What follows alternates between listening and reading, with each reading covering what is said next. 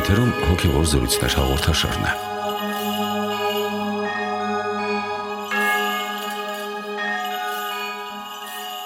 Ողջույն սիրելի ունկնդիրներ։ Տեր Գրիգոր Քահանա Հովանեսյանի հետ զրուցում ենք 7 մահացու մեղքերից առաջինի եւ թերևս ամենավտանգավորի հպարտության մասին։ Օրնեցեք Տեր այր։ Աստված օրհնի։ Տեր այր, ինչով է հպարտության մեղքն այդքան սոսկալի նրանով, որ մեղքն աշխարհ եկավ հենց սատանայի հպարտության պատճառով, թե այն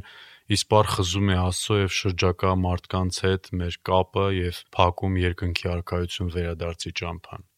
Հպարտությունով ընդհանրապես մեղք աշխարհ մտավ, որովհետեւ առաջին մեղքը, որ գործվեց, հրեշտակի կողմից հպարտության մեղքներ եւ ոմանք նույնիսկ այդ բառի մեջ այդ խորհուրդն են տեսնում հպարտություն բառը ներկայացնելով որպես հրեշտակի պարտություն հպարտություն եւ այստեղից մեղքը մտավ աշխարհ։ Այո, հպարտությունը մեղքերի գլուխն է եւ իզուր չէ որ եկեղեցու հայրերը 7 մահացու մեղքերի շարքի գլխին առաջինը որպես դրել են հպարտության մեղքը։ Հպարտությունը ծանր մեղք է եւ հպարտությունը այն մեղքն է որ մարդուն կուրացնում է։ Այսինքն ցույց չի տալիս որ մարդը ստապ գնահատի թե իրեն, թե իր շրջապատի աշխարհը եւ այս առումով հպարտությունը դժվարին մեղքա եւ շատ դժվար է հաղթահարել։ Եկեղեցական հայրերից ոմանք ասում են, որ հպարտությունը առաջ է գալիս տգիտությունից։ Այսինքն հպարտությունը արդյունք է տգիտության։ Գիտուն մարդը հպարտ չի լինի։ Գիտուն մարդը, իմաստուն մարդը խոնար է լինում։ Տգետ մարդն է, որ հպարտանում է եւ այդ հպարտությունը իր հետևից ծնում է շատ ու շատ մեղքեր, ինչպես օրինակ բարկությունը։ Շատ հաճախ բարկությունը լինում է հպարտության արդյունքում, երբ որ մարդը ինք իրեն վերադասում, ինք իրեն բարձր է դասում եւ իրեն իրավունքա վերապահում ուրիշների վրա բարկանալու, ուրիշներին սաստելու կամ խիստ վերաբերվելու ուրիշների հետ։ Մի խոսքով հպարտություն մեղքերի գլուխն է եւ մենք պիտի հատկապես այդ հպարտության մեղքի մասին միշտ հիշելով ցույց տանք, որ մեծ մեջ հպարտություն ցակի։ Որպես կանոն հպարտությունը թաքնված մեղք է եւ իր մասին մենք կարող ենք հասկանալ այն պահին, երբ որ մենք մեզ սկսում ենք ուրիշների հետ համեմատել որտեվ հպարտությունը այստեղից առաջանում այսինքն երբ մենք մեր կողքի մարդու հետ սկսում ենք մեր մտքում մեզ համեմատել այստեղ արդեն հպարտություն կա կամ որևէ մեկի հետ, որևէ բանի հետ եւ այս առումով մենք պիտի զգուշ լինենք այս բաներից մենք մեզ մի համեմատելու բան ունենք։ Մենք է մեզ մեր մեղքերի հետ համեմատենք եւ մեր Տեր Հիսուս Քրիստոսի բերած կատարյալ կյանքի հետ համեմատենք, ուրիշ բանի հետ համեմատվելու խնդիր չունենք։ Եվ եթե այս առումով մենք նայենք մեր կյանքին, մենք ընդհակառակը կխոնարհվենք, ոչ թե կհպարտանանք կամ կբարձրացնենք մեզ։ Երբ խոսում ենք մահացու մեղքերի մասին կամ առասարակ մեղքերի համատական ծանրության ու թեթևության մասին, նման հարց ես հաճախ եմ լսել, երբ մարդիկ հարցնում են լավ կոչում եք դրանք մահացու մեղքեր, դիցուք հպարտությունը, նախանձը, բղջախոհությունը, դրանք իրականում пассив են։ Եթե ես իմ հոգում, իմ մտքի մեջ նախանձում եմ ինչ որ մեկին կամ հպարտ եմ, ինձ ավելի բարձր եմ ուրիշներից համարում, կամ անարժան, անմաքուր խորհուրդներ ունեմ, դա пассив է, ակտիվ մեղք չէ։ Ես ոչ գողանում եմ, ոչ սպանում եմ, ինչով է դա մահացու մեղք այդ մեր թվացial ցաներ մեղքերը գողանալ, սپانել կամ շնանալ, այս մեղքերի հիմքում արմատում ընկած են այս 7 մահացու մեղքերը։ Շատ հաճախ սپانությունները գործվում են հպարտության արդյունքում։ Մարդ ոչ մի կերպ չի կարողանում իրեն հասցված վիրավորանքը, այսպես ասած, կուլ տալ, եւ արդյունքում կարող է մարդասպանություն լինի։ Այսինքն այս 7 մահացու մեղքերը ընկած են են ծանր հանցագործությունների մեղքերի հիմքում, այսինքն պատճառն են, արմատն են, որից այդ մեղքերը որպես հետևանք լինում է հասարակության մեջ կամ մարդկային կյանքի մեջ։ Այս առումով սրանք շատ դժվարին մեղքեր են։ Գիտեք, երբ մարդկանց հետ խոսում ես, ասում ես, այ 7 մահացու մեղքերը սրանք են, մեծ մասը հպարտությունը կարծեք իրենք վերաբերվում են որպես մի թույլատրելի բան, ասում են այ հպարտություն ունեմ, բայց նախանձ ես երբեք չեմ ունեցել ու չունեմ։ Իրականություն չի սա, բայց գիտեք, մարդկանց վերաբերմունքը հիմնականում էսա, որ հպարտությունը դե դա Թեև մեղքը համարում եկեղեցին, բայց դա ինչ որ կարելի մի բան է եւ այնքան էլ վատ բան չի որտեվ նախկինում աթեիստական շրջանում է սովորեցնում են որ մարդը պիտի հպարտ լինի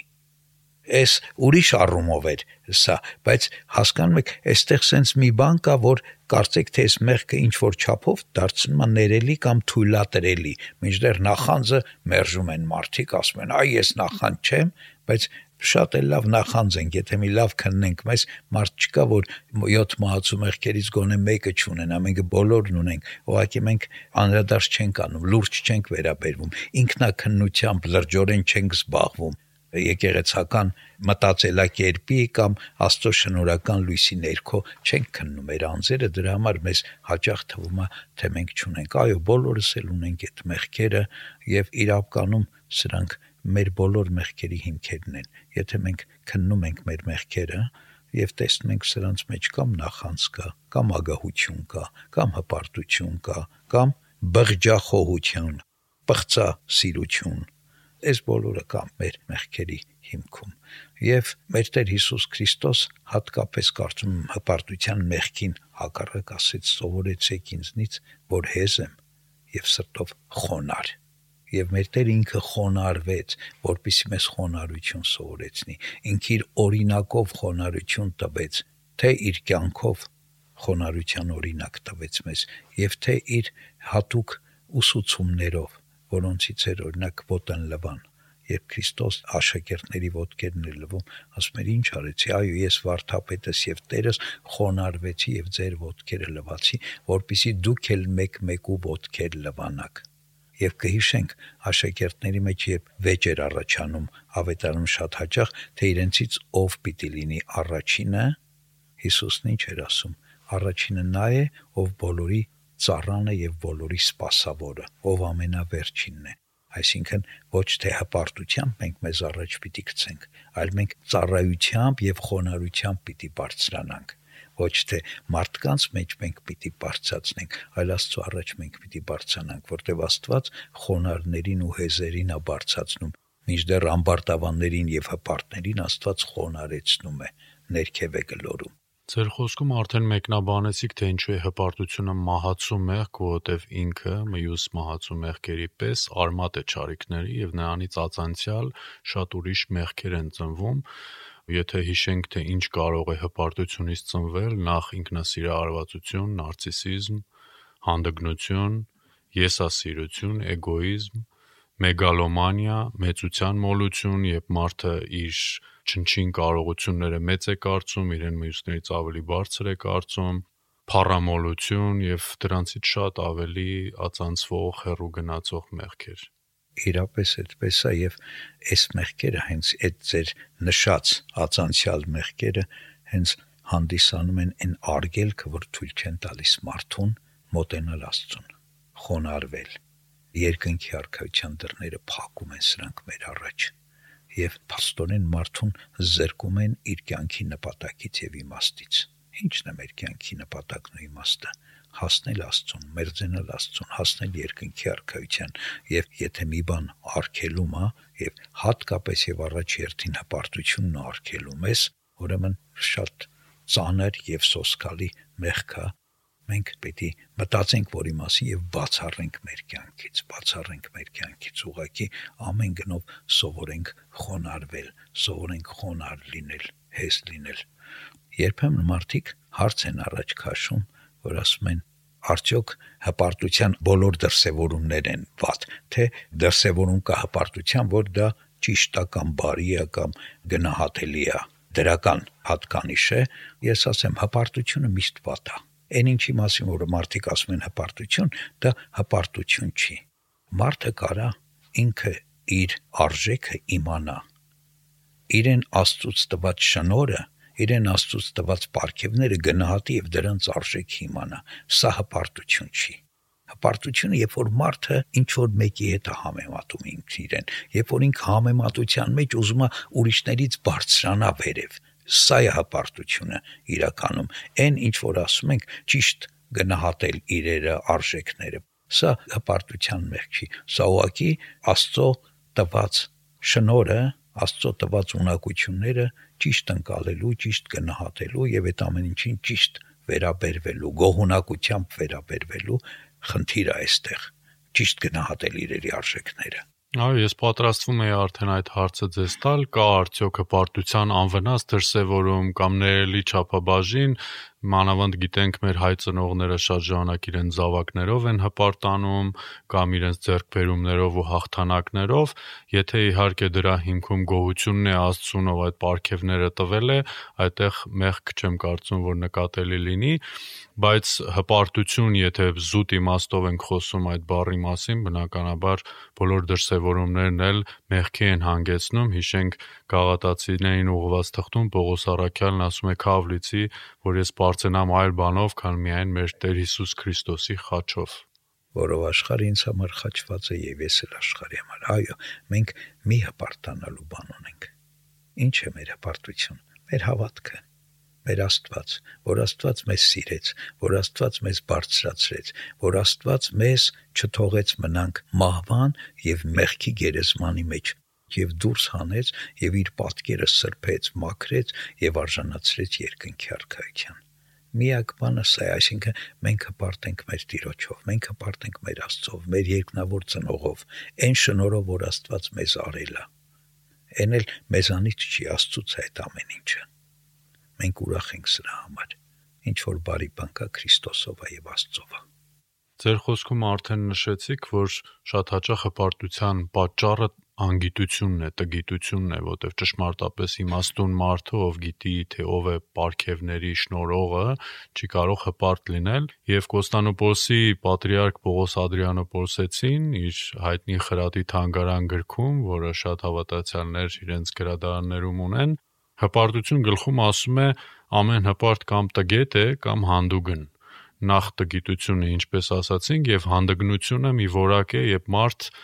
ապստամբում է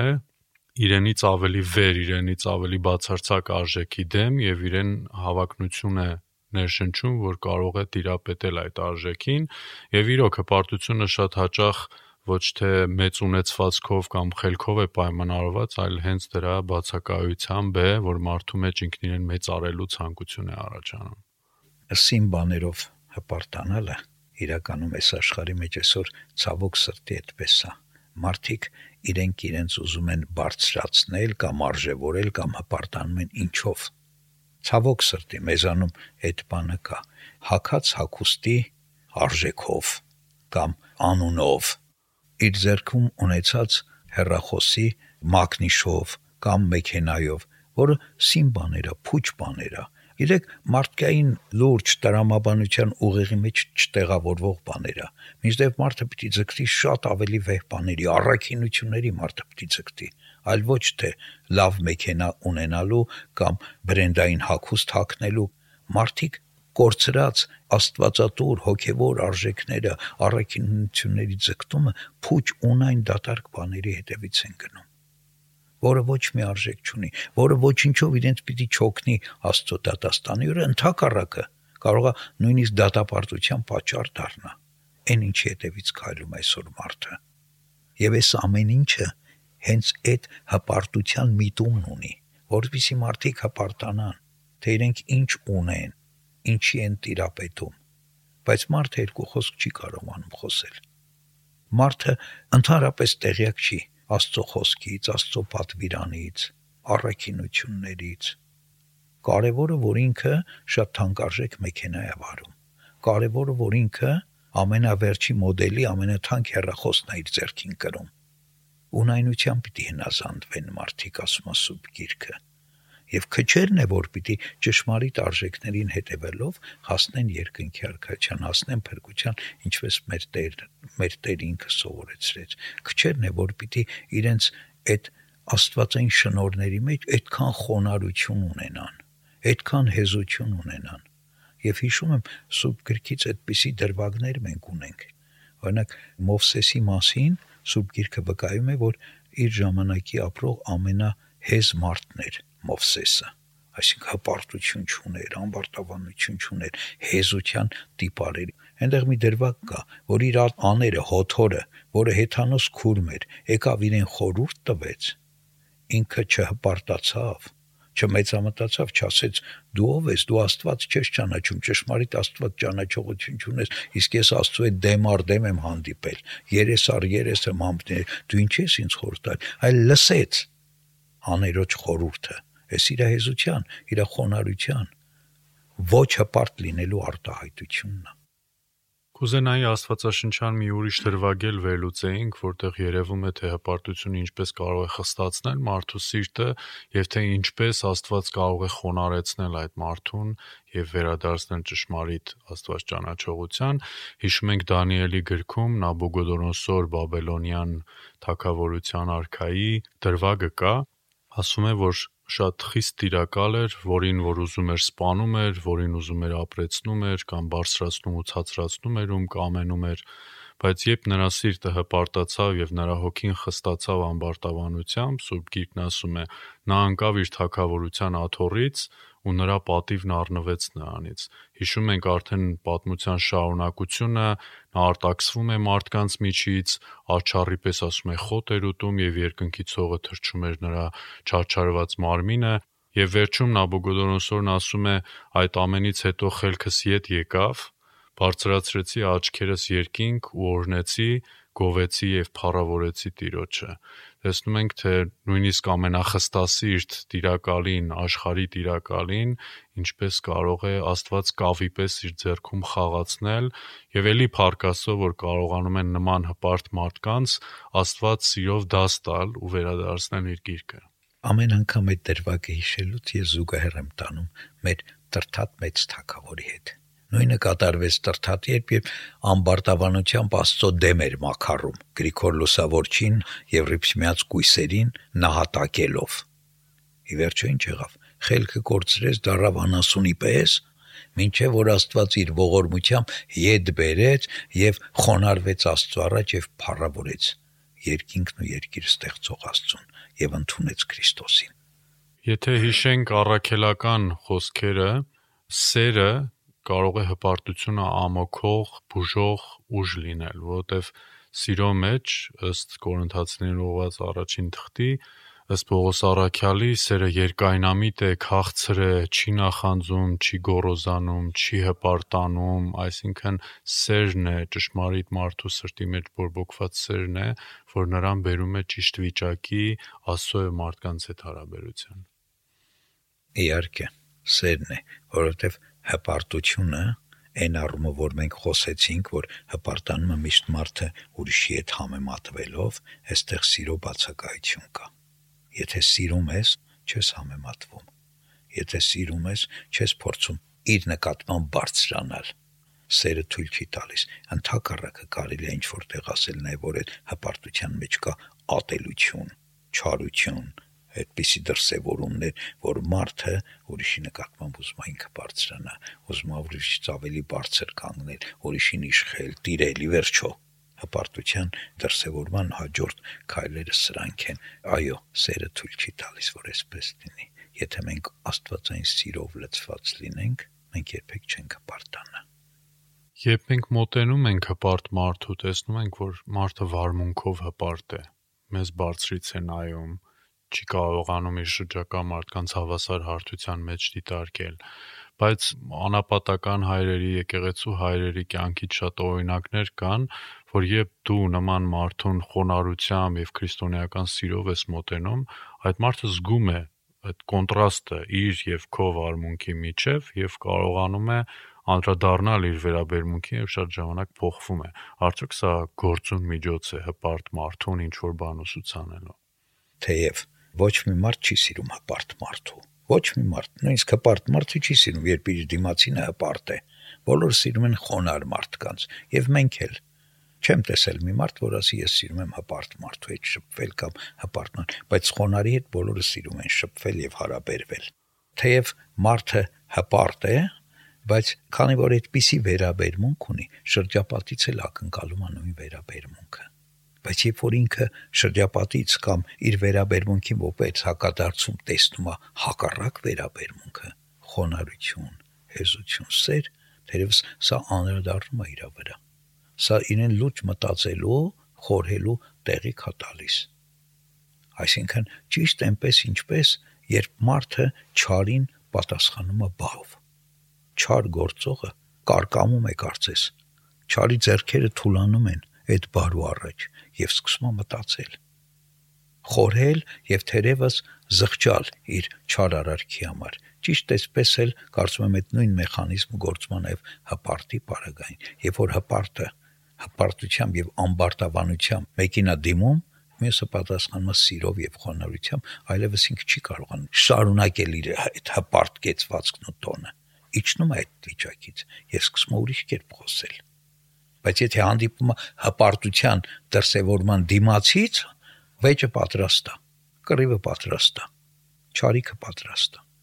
Այսինքն միշտ հպարտության դեմ զենք խոնարհությունն է, սերն է, ինչպես ասացիք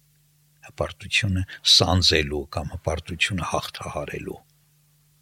Անդրադառնանք նաև մեր եկեղեցական կյանքում հպարտության մեկ այլ դրսևորման,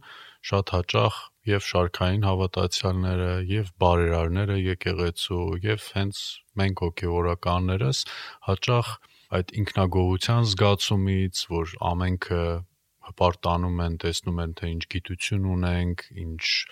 էֆեկտ ունենք հասարակության վրա, շատ հաճախ կարող ենք ինքներս ընկնել այդ ինքնասիրահարվածության եւ հպարտության մեջ եւ նույնիսկ տարիների տասնամյակների հավատացյալները եկեղեցու կարող են Փարիսեցու եւ Մաքսավորի հարաբերության պես վերևից նայել այլ հավատացյալների ասել որ ես այսպիսին եմ, այնպիսին եմ Աստծո արչև, իսկ այս Մաքսավորը, այս մեղավորը իմ կողքինով չգիտե թե ինչպես եկեղեցի մտնելու դուրս գալ, ինձանից ավելի ցածր է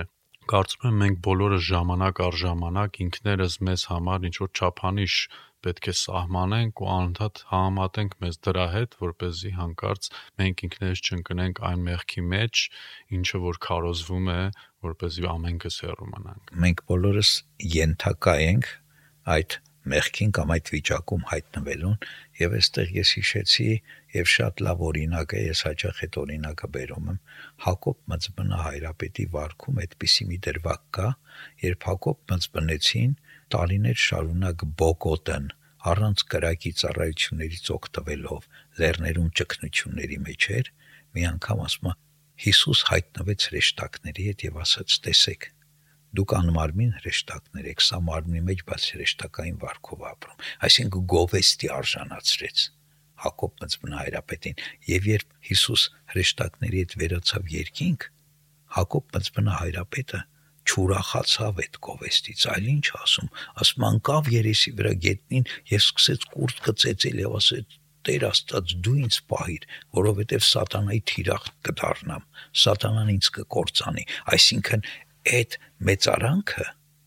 չընդունեց որպես մեծարանք, այլ ընդհակառակը այդ մեծարանքի ավելի իրեն ստիպեց, որ ինքը ավելի խոնարհվի եւ ավելի աղաչի Աստծուն։ Ինքը իր նսեմությունը, իր ոչնչությունը, իր ցածր վիճակը տեսնի։ Եվ այդպիսի օրինակ կա նաեւ ասում է, որ հոգևոր հայրը աշակերտին ուղարկում, ասում է գնա գերեզմանատուն եւ մեռելներին հայոյիր։ Գնում է հայոյումա գալիս ասում ինչ պատասխանեցին ասում ոչինչ հիմա ասում գնա այդ նույն մեռելներին գովեստի խոսքեր ասա գնում է գալիսը ասում գովեցիր հա ինչ պատասխանեցին ոչինչ այ ասում այդպեսին պիտի լինենք մենք այսինքն ոչ հայոյանքից նեղվենք նախատիկից չարից չար խոսքերից ոչ էլ հպարտանանք գովեստներից այլ իներտ լինենք այս ամեն ինչի նկատմամբ որպիսի մեղքի մեջ չընկնենք խուսափենք մեծարանքից եւ ես հիշում եմ եւ չեմ կարող չասել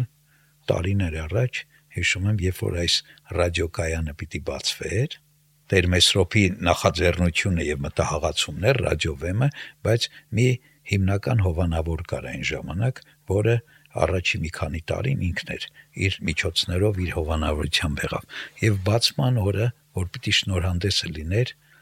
ես ներկա էի շնորհանդեսին կամերային երաժշտության տանը։ Եվ այդ հիմնական հովանավորը Երևանում էր ինքը այդ ժամանակ եւ այդ նույն օրը առավոտյան մենք միասին ենք, բայց ինքը չեկավ ուղակի։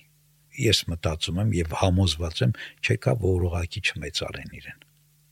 Չեկավ որ ուղակի գովեստի խոսքեր չլսի, այլ խուսափեց։ Ճիշտ այդպես էլ լսել եմ, կարդացել եմ, որ Ալեքսանդր Մանթաշյանը որը Փարիզի եկեղեցին կառուցել է, Օցմանորը ներկա չի եղել ուղակի ներկա չի եղել, որ չմեծարվի։ Այսինքն փորձել են խոնարհության դրսևորում ունենալ մարդիկ, հա, մեծարանքից, գովեստներից խուսափել, որը շատ կարևոր է մեզ համար։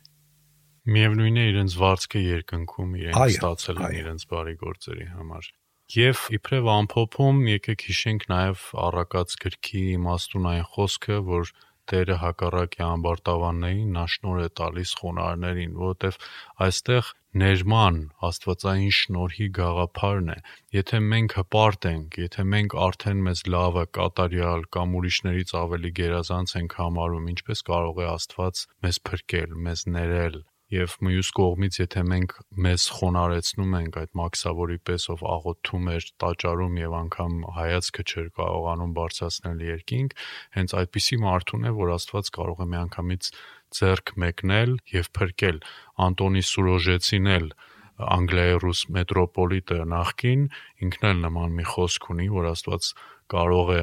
փրկել մեղավորին, որ դու ես, բայց չի կարող հանդուրժել կամ օգնել այն սրբին, որ դու քեզ համարում ես, որ ես։ Այո, իրապես այդպես է։ Շատ པարս, པարս մարդկային տրամաբանություն կա։ Պատկերացնում ես, որ հպարտ մարդ հանդունգն մարդը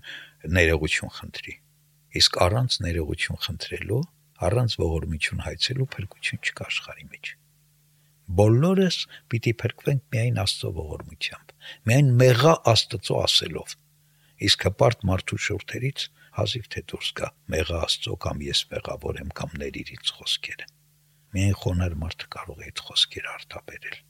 Թող Աստված մեզ բոլորիս հերոպայի հետ հպարտության ցաներ մեղքից եւ ընդհանրապես մեղքից եւ մեզ խոնարեցնելով արժանի յանի իր ոտքերի մոտ լինելու։ Ամեն։ Շնորհակալ եմ այս հիշեցումների համար Տեր հայր ամենքս պետք է օրինակ վերցնենք մեր Տեր Հիսուս Քրիստոսից ով Աստծո որդին էր աշխարհի տիրակալն էր, ով կարող էր իշխանությամբ եւ մեծ զորությամբ ի հայտ գալ այս աշխարհում, բայց ծնվեց խոնարհության մսուրի մեջ, իր ողջ երկրային կյանքը նվաստ դրության մեջ ապրեց, քարոզեց ոչնչով իրեն ավելի բարձր չդասելով իր աշակերտներից ու իր հետևորդներից եւ սովորենք մեր Տիրոջից մնանք Տիրոջ շնորհի ու խաղաղության մեջ ամեն